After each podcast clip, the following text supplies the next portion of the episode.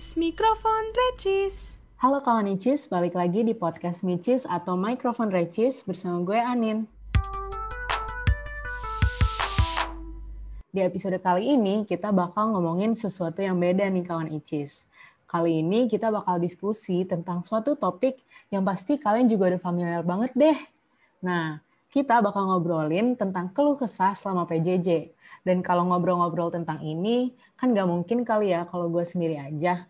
Pasti kita harus dengar dari sisi murid dan juga sisi guru, supaya obrolannya makin seru nih.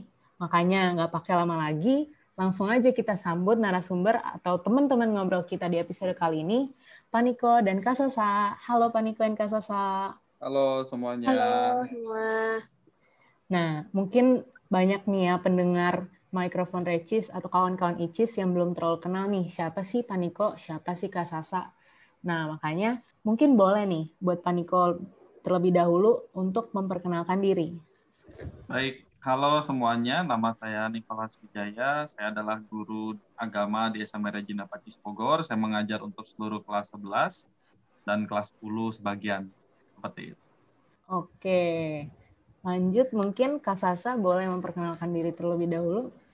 Oke, halo semua. Gue Patricia Nerisa Krisna Putri, tapi gue biasa dipanggil Sasa. Nah, sekarang ini gue duduk di bangku kelas 2 SMA di jurusan IPS. Dan kini uh, gue mewakili uh, suara dari murid.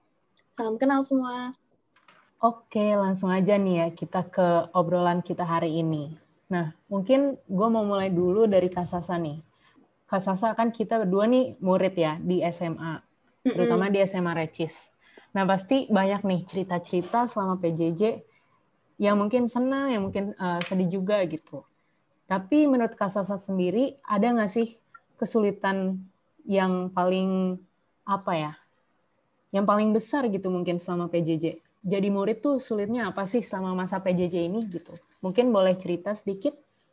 Oke, sulitnya selama paling sulit gitu ya. Kalau kalau dari gue sendiri, yang paling sulit menurut gue itu uh, memahami materi gitu sih. Kayak ya beberapa pelajaran emang ada yang yang nggak mudah banget buat dipahami, apalagi secara virtual gini. Oke, contohnya misalkan uh, hitungan gitu pelajaran uh, yang perlu dihitung gitu. Jadi uh, ya nggak mudah banget buat dipahami lewat Meet walaupun uh, mungkin guru-guru udah punya uh, cara lain gitu ya misalkan ada yang nulis di papan tulis namun ya karena waktu yang terbatas jadi ya itu sulit banget deh pokoknya buat memahami materi di masa PJJ kayak gini.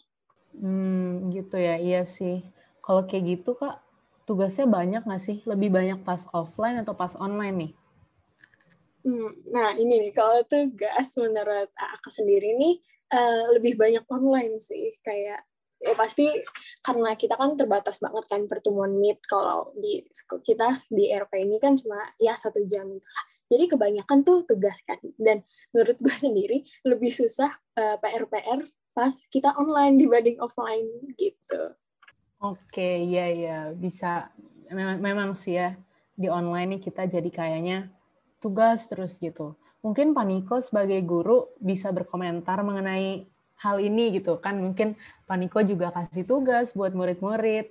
Mungkin Paniko bisa cerita uh, tentang tugas ini. Mungkin ada alasan kenapa tugasnya lebih banyak pas online. Atau mungkin Paniko juga bisa cerita tentang apa sih sulitnya menjadi guru sama PJJ ini gitu silakan Paniko baik oke saya akan menjawab dari beberapa sudut pandang setidaknya jadi kayaknya agak panjang nih ya semoga apa para pendengar apa terbuka telah mendengar apa yang saya sampaikan. Pertama, saya akan bicara dari sudut pandang seorang wali kelas. Jelas namanya guru, kami beberapa guru kan ditunjuk jadi wali kelas ya. Nah, kesulitan utama adalah kami tidak pernah melihat murid kami, terutama yang di kelas 10, itu secara fisik. Mungkin kalau yang wali kelas 11 setidaknya pernah melihat Anda lari-lari di sekolah. Tapi yang kelas 10 itu tidak pernah melihat sama sekali. Sulitnya di mana? Sulitnya adalah ketika orang tua itu menaruh harapan sangat besar terhadap wali kelas. Tiba-tiba ada orang tua telepon, Pak, tolong saya ini galau, anak saya butuh bantuan, butuh pendampingan. Baiknya bagaimana? Ditanya baiknya bagaimana, kami bingung. Bagaimana menjawabnya? Sementara melihat fisiknya saja kami belum pernah. Jadi secara karena kan kalau wali kelas itu tidak melihat secara langsung otomatis uh, berbeda ya artinya ketika kita melihat anak secara langsung dengan secara online itu dari sudut pandang wali kelas. Jadi wali kelas terutama yang wali kelas dulu itu kami benar-benar ekstra kerja keras pada saat ini karena benar-benar satu nggak pernah melihat secara fisik, lalu kedua setidaknya kami harus memahami anak walaupun ketemu secara online. Itu dari sudut pandang wali kelas seperti itu. Nah kalau dari sudut pandang seorang guru mata pelajaran mata pelajaran saya agama itu kalau pelajaran offline aja kadang-kadang orang bisa salah paham, apalagi kalau online. Maka kesulitannya adalah mencari metode yang tidak membosankan, tapi juga materi itu bisa di, di apa namanya diserap dengan baik. Nah, tadi seperti apa Sasa bilang kan, katanya saya bingung eh, kalau ngejar materi dan sebagainya. Nah, itu dia karena setiap mata pelajaran itu memiliki keunikan dan kesulitan masing-masing. Sebagai contoh, guru matematika, jelas guru matematika itu membutuhkan papan tulis untuk ngajar kepada anaknya. Sementara dalam situasi online seperti ini, eh, beliau guru-guru matematika kadang-kadang juga kesulitan. Mereka butuh papan tulis, tapi di satu sisi juga harus menyampaikan materi dan harus melihat anaknya sehingga bebannya menjadi bertambah lagi. Setiap pelajaran itu punya kesulitannya masing-masing, itu yang selalu saya sampaikan. Nah, itu yang dari sudut pandang guru mata pelajaran. Seperti itu kalau dari saya. Wah, gimana nih Kak Sasa? Dapat insight baru gak nih setelah tahu perjuangan guru uh, dalam memberikan mata pelajaran gitu Kak? Iya dong, dapat pastinya. Karena ya pasti uh, gue sendiri juga tahu gini pasti guru-guru tuh juga udah berusaha banget gitu buat tetap gimana sih kita cara uh, para guru-guru ini bisa ngajarin bisa kasih materi kepada para murid biar mereka bisa benar-benar paham. Jadi wah, gue tuh sebagai murid tuh sangat mengapresiasi banget usaha para guru di masa PJJ ini. Bener banget nih. Nah tadi kan kita ngomongin nyinggung sedikit tentang tugas nih ya. Uh, menurut Paniko sebagai guru uh, mungkin ada nggak sih alasan kenapa tugas nih menjadi satu-satunya apa ya cara gitu untuk untuk melihat mungkin keaktifan murid sama PJJ atau mungkin ada alasan lain gitu Pak? Oke, baik. Kalau di awal-awal tahun pelajaran yang lalu memang kita tugas lebih banyak itu sebenarnya alasannya satu. Alasannya adalah sebetulnya yang utama supaya Anda itu supaya para murid itu sebisa mungkin tidak berpergian keluar rumah itu waktu di awal-awal ya. Karena kan eh, kami kan guru-guru juga harus menjaga Anda harapannya tugas itu diberikan supaya kalian kerjain di rumah, belajar kalau tidak ada yang kalau ada yang nggak dimengerti ditanyakan kepada gurunya dan sebisa mungkin meminimalisir kemungkinan para murid itu untuk kumpul-kumpul di luar rumah karena itu akan berbahaya sekali di masa pandemi seperti ini. Jadi alasannya seperti itu yang utama. Nah yang kedua juga eh, yang saya bilang tadi setiap mata pelajaran punya kesulitannya masing-masing. Ada mata pelajaran tertentu yang membutuhkan pertemuan secara fisik dan itu memang harus setiap saat seperti itu. Saya beri contoh misalnya sanitari. Contoh lain juga mungkin olahraga.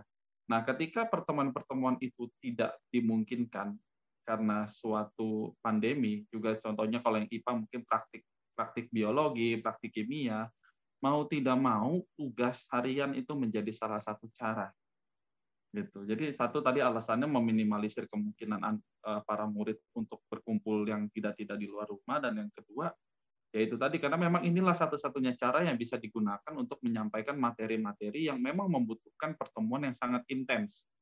Kalau pertemuan aja udah nggak intens, lalu tidak ada tugas lagi, takutnya nanti ada yang nggak didapat seperti itu. Nah harapannya diberi tugas itu kan kalau memang nggak ngerti ditanyakan kepada gurunya. Sebetulnya harapannya seperti itu itu mungkin yang bisa saya sampaikan dan yang saya tahu. Jadi mungkin komunikasi antara guru dan murid emang harus lebih dikuatin gitu ya Pak.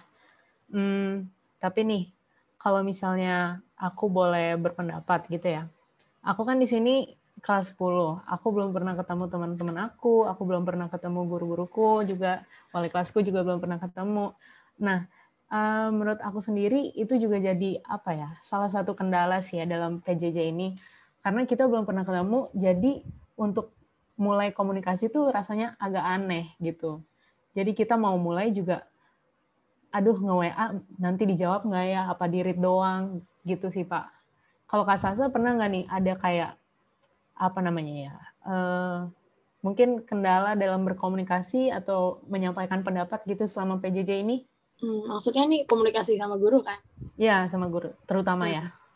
Iya, sebenarnya kan eh, selama PJJ ini, kalau menurutku sendiri komunikasi tuh paling lewat meet sama ada kita nge-WA sendiri. Tapi kadang aja tuh pas meet itu yang komunikasi tuh kadang gurunya tuh kadang suka dicuekin sama muridnya Iya. jadi kayak yang balas aja oke Pak Niko ya kadang tuh cuma beberapa anak aja gitu kan apalagi Iya, benar. WA yang eh, apa ya bisa dibilang pribadi gitu bahkan lewat meet gitu di mana umum tuh aja sedikit apalagi buat komunikasi WA sendiri jadi menurutku sendiri itu tuh balik ke masing-masing anak gitu loh kayak mereka mau nggak sih punya inisiatif buat nanya ke gurunya gitu sih Benar-benar. Nah, menurut Paniko gimana nih soal komunikasi antara murid dengan guru selama PJJ? Baik, yang selalu saya sampaikan di kelas di kelas-kelas yang saya ajar, mungkin Sasa juga tahu ya, di kelas 11 saya selalu menyampaikan hal ini bahwa tidak ada namanya pertemuan virtual yang sempurna, tidak ada namanya kelas online yang sempurna. Prinsipnya simpel. Teknologi secanggih apa pun itu nggak bisa mengalahkan pertemuan yang nyata antara manusia. Itu nggak bisa digantikan. Makanya walaupun sudah dibikin aturan bagaimanapun, manusia itu pengennya kumpul, pengennya ketemu dengan sesamanya, guru pengennya ketemu dengan muridnya. Semua harapannya kan seperti itu. Nah, kalau soal komunikasi balik lagi tadi bahwa tadi kan kata Sasa kadang-kadang gurunya dicuekin. Ya, benar itu terjadi. Itu sering kali terjadi. Ya kan, jadi di Google Meet gurunya bertanya apa tapi anaknya nggak mau mungkin entah malu entah juga tadi seperti dikatakan oleh moderator kami nggak pernah ketemu nah itu tadi tapi balik lagi satu hal yang paling yang anak-anak juga harus tahu, para murid harus tahu dan harus pegang adalah bahwa bagaimanapun kelas online itu tidak ada yang sempurna. Tapi bukan berarti karena tidak ada yang sempurna kita tidak melakukan apa-apa. Justru walaupun kita dalam keadaan tidak sempurna, kita harus tetap menjalani apa yang ada saat ini, menjalani apa yang ada dan ya tadi baik lagi walaupun tidak sempurna harus ada sesuatu yang dilakukan. Seperti itu. Oh, iya iya, benar sih, Pak. Nah, kalau di Meet nih ya, Pak, itu kan menjadi salah satu platform kita buat uh, berkomunikasi juga, buat ketemu lah ya uh, sama PJJ ini. Nah, menurut Bapak, kalau murid-murid off cam tuh rasanya gimana sih, Pak? Sedih nggak atau kecewa gitu atau gimana? Iya, sebetulnya kan ada aturannya ya, harus on cam seperti itu kan. Cuma kadang-kadang memang ada anak yang Pak kamera saya error, Pak bandwidth saya jelek, Pak kuota saya uh, bahasanya sedikit gitu atau tiris ya itu kan nggak bisa dipaksa. Kalau ditanya bagaimana rasanya, saya biasa suka bikin guyonan tuh karena kelas 11. Anak kelas 11 tahu persis. Misalnya saya bilang, ini saya kayak ngomong sama radio perang dunia kedua ya, yang muncul suaranya doang gitu kan. Nggak ada orangnya. Sementara kan saya butuh orangnya. Maka biasanya kalau ngajar di kelas 10, saya bilang, tolong dong beri saya kesempatan sebentar aja untuk melihat wajah Anda. Seperti itu. Tapi pun artinya begini, kadang-kadang tetap ada yang nggak mau buka juga. Maka saya nggak bisa maksa. Kalau tunggu semua buka kamera, kapan selesai, kapan mulai belajarnya, begitu kan? Maka yang selalu saya sampaikan adalah saya percaya aja deh di balik kamera itu Anda belajar. Seperti itu. Kalau ditanya kenapa percaya Pak, ya nggak menurut saya tidak butuh alasan untuk percaya, cukup percaya. Seperti itu. Oke. Kita next nih ya ke topik selanjutnya nih.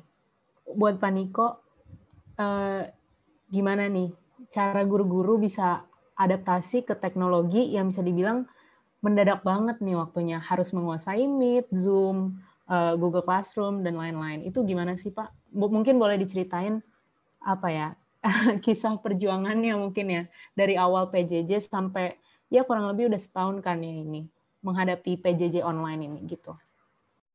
Ya, baik.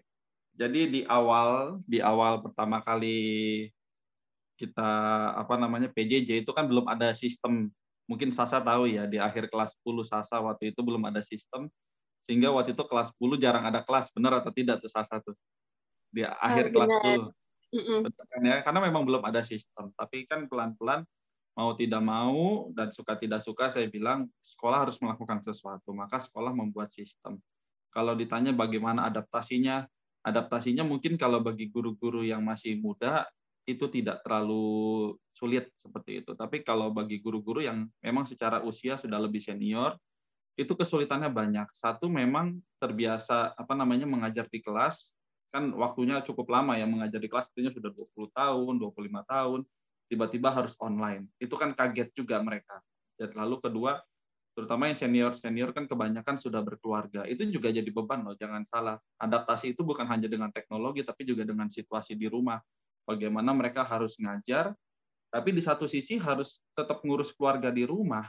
Contoh lagi ngajar, anaknya masih kecil, gangguin, itu juga adaptasi. Jadi adaptasi itu bukan hanya tentang teknologinya, tapi tentang apa namanya tentang situasi yang ada di saat itu kami juga yang muda-muda juga kesulitan gitu apalagi mungkin guru-guru yang baru kali ini mengajar tiba-tiba langsung dihadapkan pada situasi kita harus online jadi adaptasinya nggak nggak nggak mudah tapi yang saya senang adalah yang saya sangat salut dari rekan-rekan guru adalah dalam situasi seperti ini kita sama sekali tidak ada namanya jenjang oh ini senioritas junioritas tidak ada sama sekali. Kami yang muda itu membantu yang senior kita misalnya senior ada yang kurang mengerti ini kami membantu. Nah, di satu sisi, para senior, mereka juga berkarya dengan cara mereka masing-masing. Contohnya, mereka biasanya ada tuh yang guru senior yang ngurusin administrasi yang ribetnya juga lebih minta pak lebih minta ampun itu. Jadi dia sudah harus adaptasi dengan Google Classroom dan lain-lain tapi di satu sisi karena mereka kerja juga di bidang kurikulum mereka harus menangani administrasi yang ribetnya seribet itu apa maksudnya sebanyak itu nama-nama kalian semua daftar nilai kalian semua dari dari awal sampai akhir gitu bahasanya. Nah itu juga itu juga luar biasa. Artinya kami yang muda-muda mungkin yang juga yang lebih paham teknologi membantu saling membantu dan yang yang lebih senior juga tadi mereka bukan hanya mengurusi administrasi tapi mereka juga kadang-kadang menyemangati kami. Contohnya bagaimana? Contohnya nih kita datang ke ruang serbaguna gitu. Lalu di situ biasanya banyak guru-guru yang sudah lebih senior. Mereka itu nyapa kita, mereka nyapa kita, mereka godain kita, mereka pokoknya melakukan apa namanya dengan guyonan-guyonan itu itu sudah me, apa namanya sudah meringankan sedikit beban kita juga artinya di sini benar-benar semua guru tuh saling bersatu padu tidak lagi nggak ada namanya usia usia itu hanya sekedar angka, angka bahasanya begitu tapi dalam situasi seperti ini ya itu tadi kita harus saling bersatu begitu oh menarik juga nih kak Sasa ya nggak sih kayak saling iya, support juga nggak sih mm -mm ternyata mereka masih suka bercanda ya. Hmm, hmm. Jadi suasana ngajarnya tuh walaupun gak ada murid tapi tetap hidup gitu ya. Tetap menarik enjoy. banget. Menarik banget. Aku juga baru tahu nih. Oke, tadi kan Pak Niko sempat nyinggung tentang situasi adaptasi sama situasi di rumah juga kan ya. Nah, eh, buat Kak Sasa dan Pak Niko nih, suka ke keganggu nggak sih kalau misalnya belajar di rumah? Mungkin ada tukang roti lewat atau uh, mamah nyapu atau gimana gitu. Atau mungkin paniko uh, guru-guru yang lain juga lagi ngajar juga kan ya. Jadi sama-sama bersuara mungkin atau atau gimana tuh? Mungkin bisa diceritain kendala-kendala selama Meet sama uh, Google Classroom dan lain-lain itu Kasasa dulu boleh Oke okay. kalau dari aku sih oke okay, tadi kan udah disebut sama Anin gitu misalnya tukang roti lewat ya itu tak kadang sih misalkan kayak kita lagi open mic misalkan kadang kita lagi presentasi tiba-tiba dipanggil sama mama ayo deh yeah. nyapu dulu tapi enggak juga sih mungkin itu tergantung ya siap uh, apa tergantung masing-masing murid kayak gimana orang tua di rumah gitu tapi kalau aku sendiri sih uh, orang tua aku kayak kalau emang aku lagi belajar nggak akan diganggu sih gitu. Paling kalau keganggu sama orang lain gitu sih enggak ya kalau dari aku. Jadi aku sih santai-santai aja. Kalau Pak Niko gimana nih? Ya, baik. Kalau saya baik lagi karena sebagai guru kami punya dua tempat kerja mau tidak mau kan di sekolah dan di rumah begitu. Kalau di rumah kendalanya kadang-kadang uh, internet nggak stabil begitu. Soal internet lebih stabil di sekolah sebetulnya. Nah kalau di rumah ya kadang namanya orang rumah ya di rumah cukup ramai orang, apalagi semua di rumah kadang-kadang ribut begitu berantem. Makanya itu juga kadang-kadang saya pernah saya pernah lagi ngajar lagi ngajar kemarin kelas 11 IPA berapa saya lupa di rumah dan situasi tiba-tiba ribut dan ya udahlah mereka lagi berantem berantem aja lah saya biarin aja gitu tapi saya tutup pintu semua saya kedap suara terserah gitu nah kadang-kadang juga saya lagi lagi ngajar di sini apa namanya orang rumah itu masuk kamar karena penasaran seperti itu. Ini kan di rumah saya ada sepupu ya. Sepupu saya mungkin nggak pernah ngeliat saya ngajar di sekolah seperti apa kan dia penasaran mau ngeliat. Jadi orang buka pintu kan juga sebenarnya mengganggu juga sebetulnya. Pernah juga namanya lagi ngajar tiba-tiba tukang bakso cuanki lewat tak tok tak tok tak tok itu pernah kalau di sekolah ya memang pada akhirnya eh, guru-guru itu dibagi. Jadi ada yang di ada yang di lantai berapa lantai berapa ada yang di ruang guru. Jadi nggak boleh semua ngumpul satu tempat. Karena gampangnya adalah dulu pernah loh waktu belum dibagi itu ya saya ngajar kebetulan satu ruangan dengan guru fisika. Jadi saya sedang menjelaskan tentang ilmu agama, guru fisika sedang menjelaskan tentang gravitasi, sehingga suara kami hancur di situ. Ketika saya mengatakan, ya jadi Tuhan itu baik seperti ini, enggak, ini gravitasi menyatakan semua akan jatuh ke bawah. Nah, sementara yang fisika, ya mereka lagi bicara tentang ilmu pengetahuan alam, tiba-tiba disisipi dengan roh kudus, begitu saya ngomong apa, itu semua masuk ke sana. Nah, tapi sekarang itu sudah lebih tertata, artinya nggak boleh nggak boleh terlalu berdekatan, ada jarak, tapi memang namanya suara dari guru lain masuk itu sama halnya seperti kalau di sekolah ya, suara dari kelas lain masuk itu nggak bisa dihindari lagi.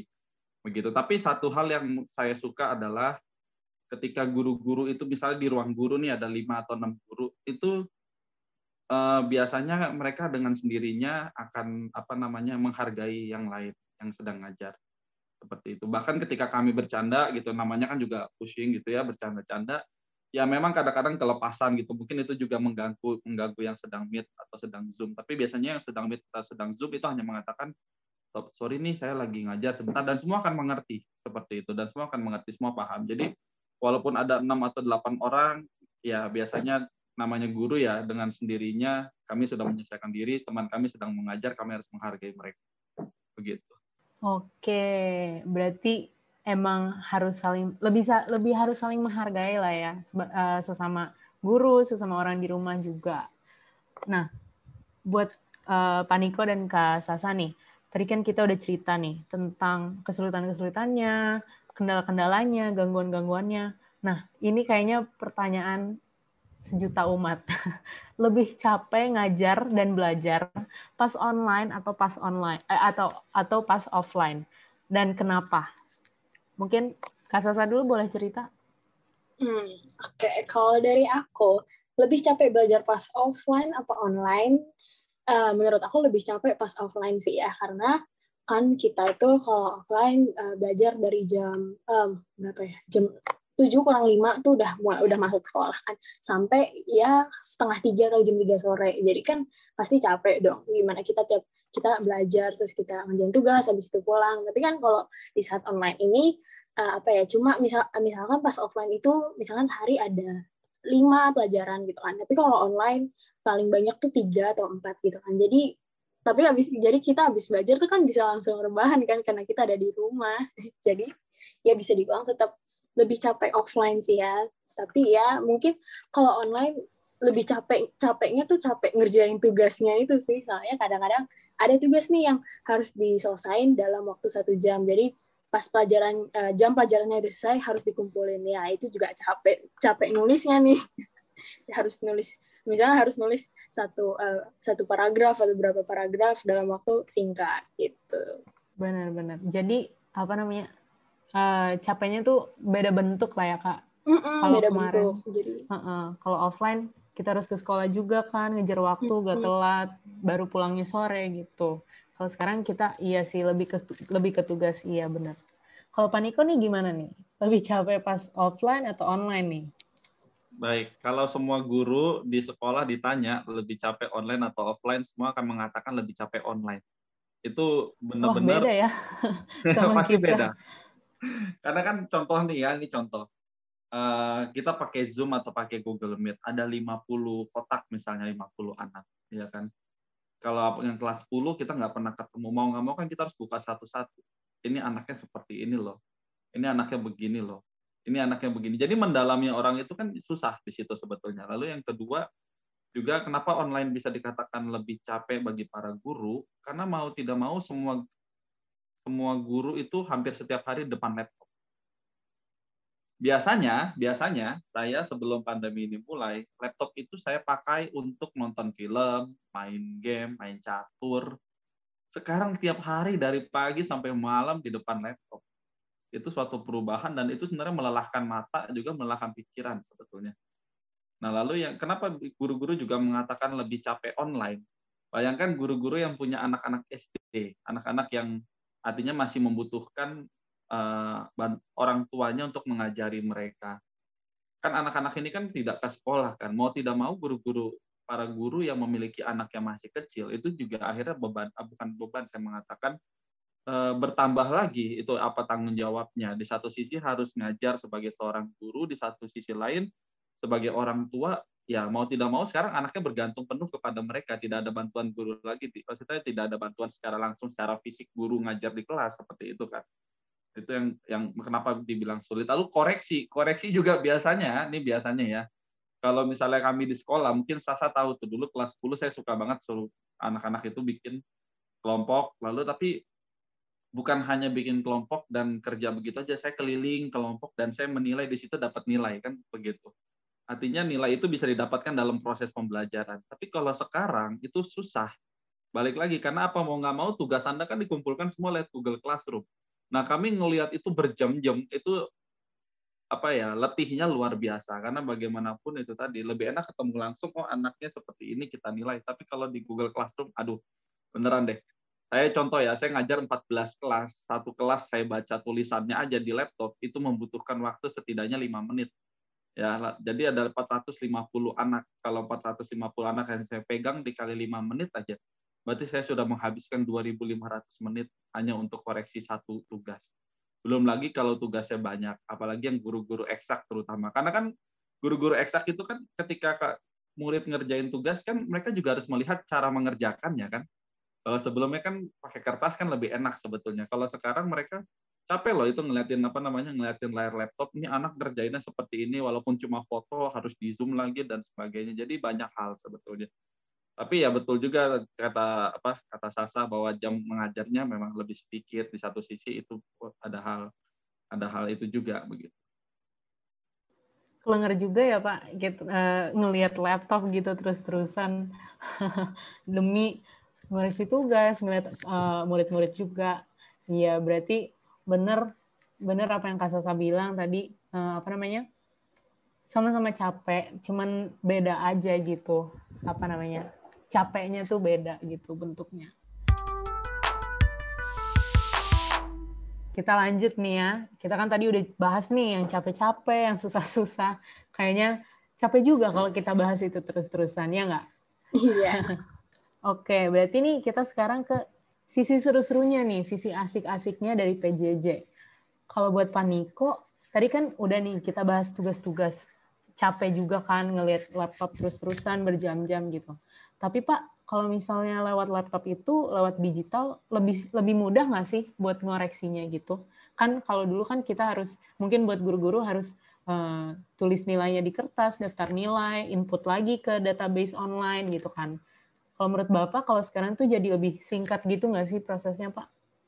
Ya, jadi memang ada proses yang lebih singkat sih ada. Jadi misalnya kan nilai itu di Google Classroom ya, kita download sheet-nya lalu kita tinggal copy ke Excel selesai kan seperti itu. Memang ada ada beberapa hal-hal yang memang positif seperti itu. Lalu juga lebih rapih, lebih rapi karena nggak mungkin nama itu apa namanya kan nama itu kan diinput oleh pihak sekolah ya nama kalian dari nomor absen satu sampai terakhir itu juga sangat rapi. Tapi ya apa namanya Eh, kalau dibilang mudah atau tidak ya balik lagi kita harus melihat bahwa setiap pelajaran itu punya kesulitannya masing-masing. Mungkin bagi saya atau mungkin bagi beberapa mata pelajaran yang bisa dibilang bukan mata pelajaran yang very important banget gitu maksudnya uh, bukan mata pelajaran yang utama seperti eksak itu mungkin biasa saja gitu tapi untuk guru-guru eksak contohnya itu sangat sangat sulit ya karena dan juga karena kan misalnya kalian foto nih gambar lalu dikirim ke Google Classroom. Kadang-kadang kan ada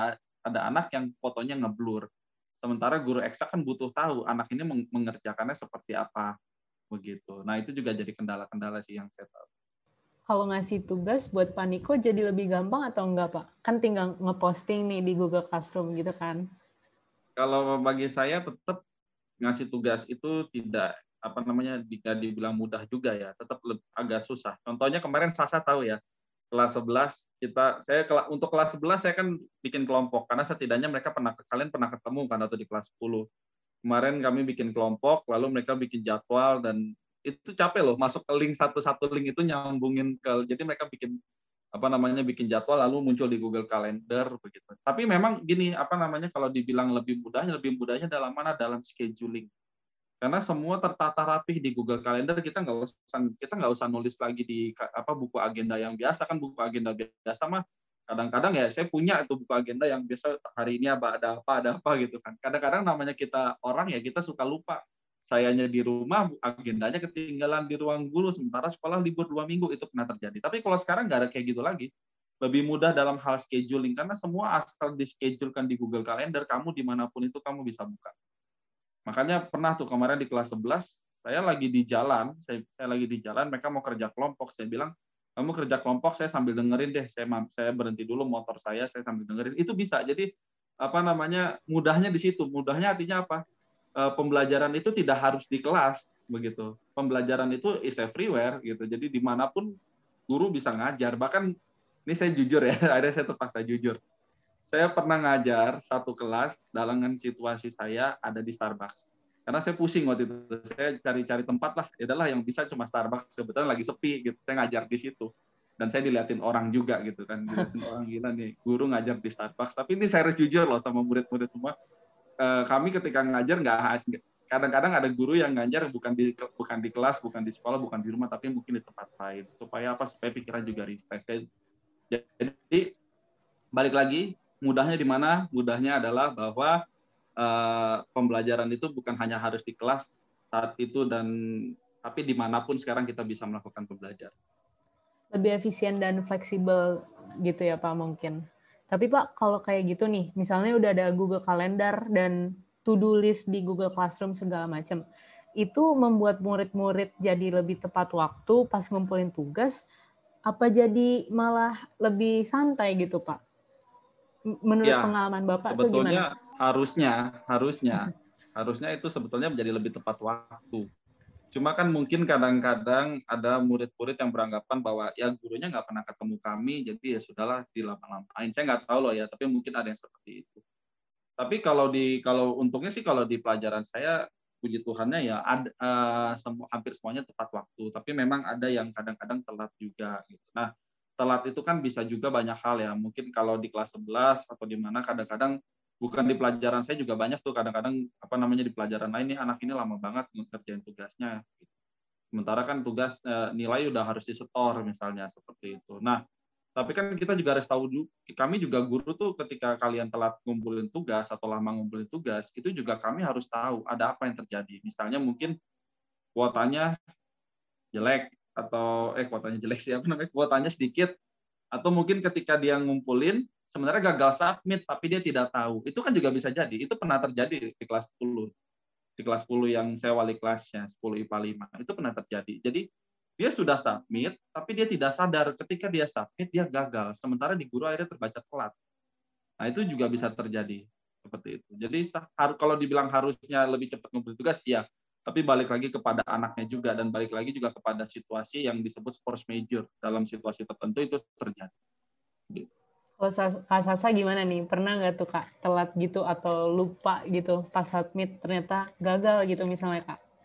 Um, kalau aku sendiri sih nggak pernah yang lupa sih ya. Kayak paling pernah uh, gagal tapi cuma bentar doang, nggak sampai yang berapa hmm. jam gitu. Tapi ada temanku yang beberapa yang uh, lupa submit terus atau um, ternyata uh, apa udah udah add udah add filenya gitu. Tapi belum disubmit berapa jam atau berapa hari gitu sih.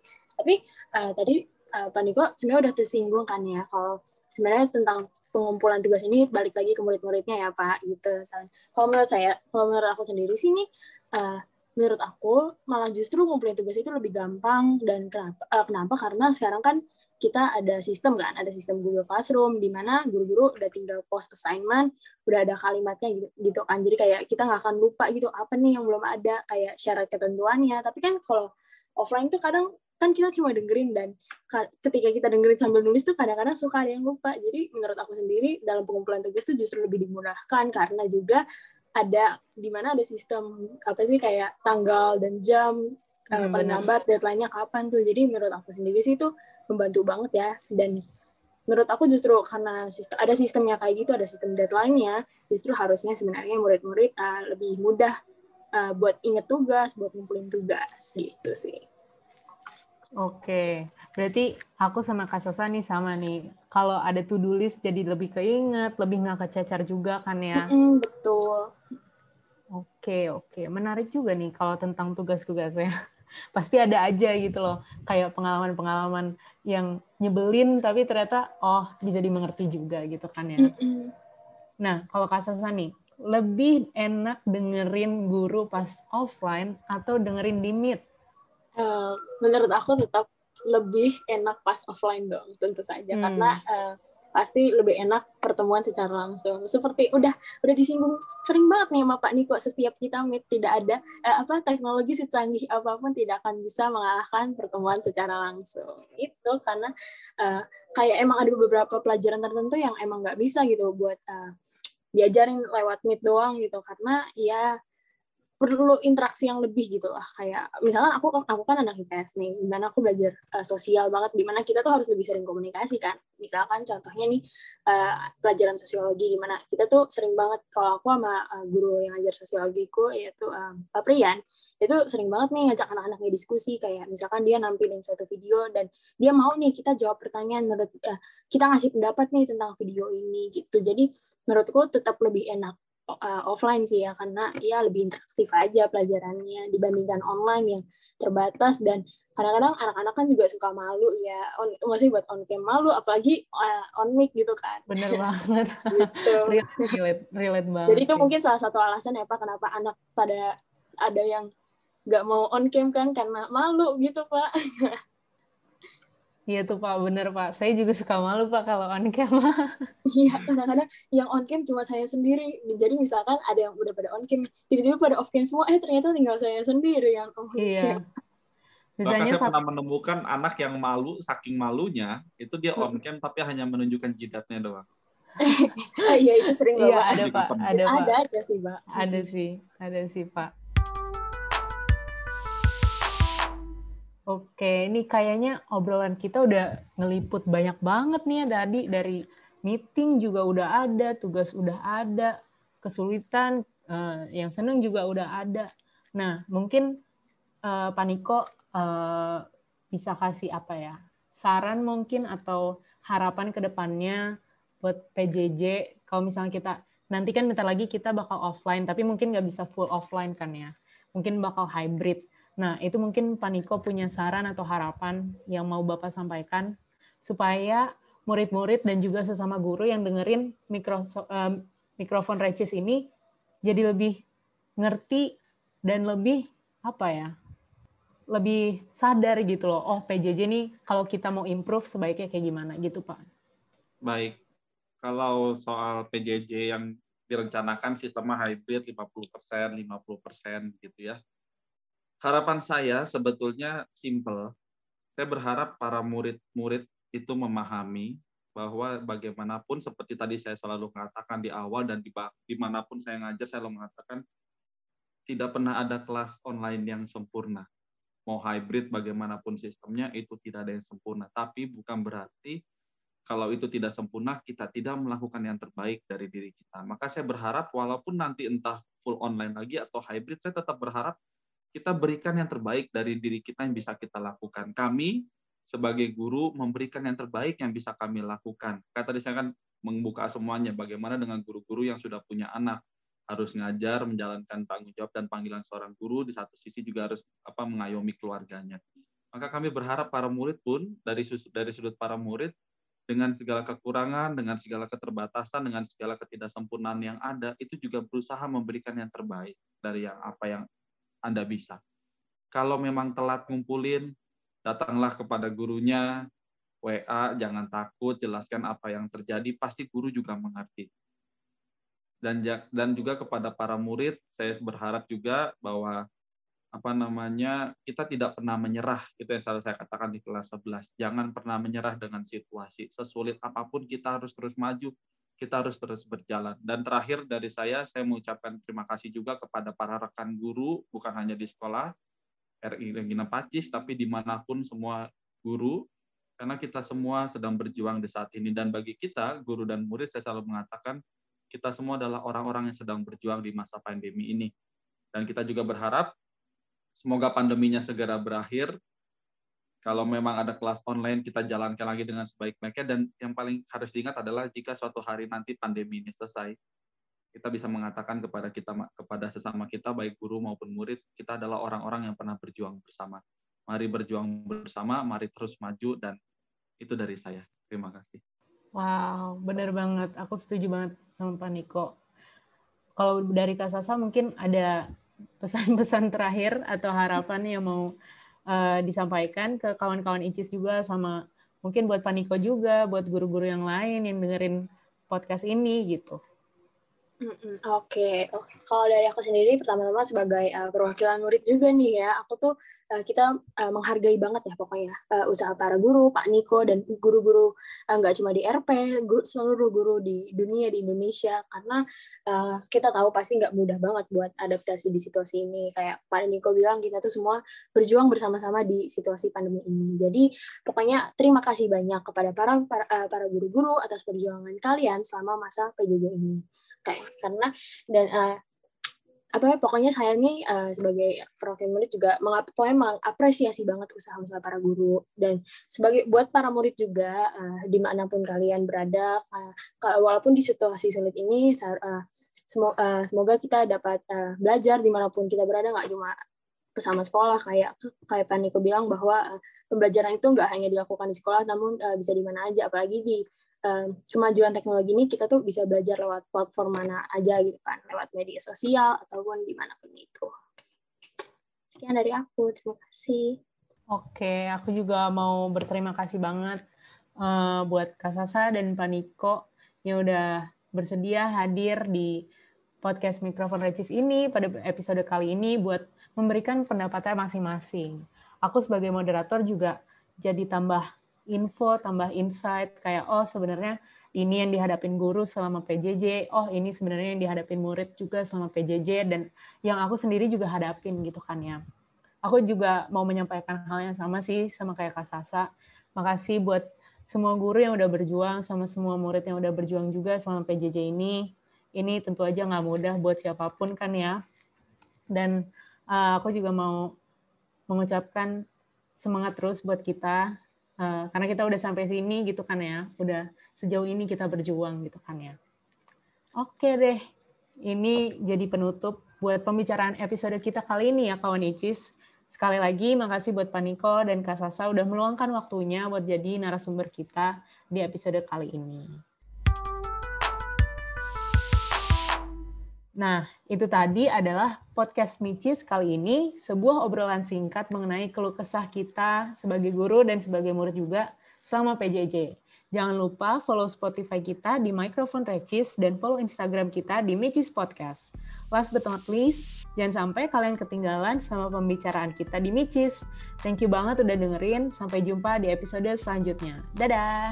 Micis, Mikrofon Recis.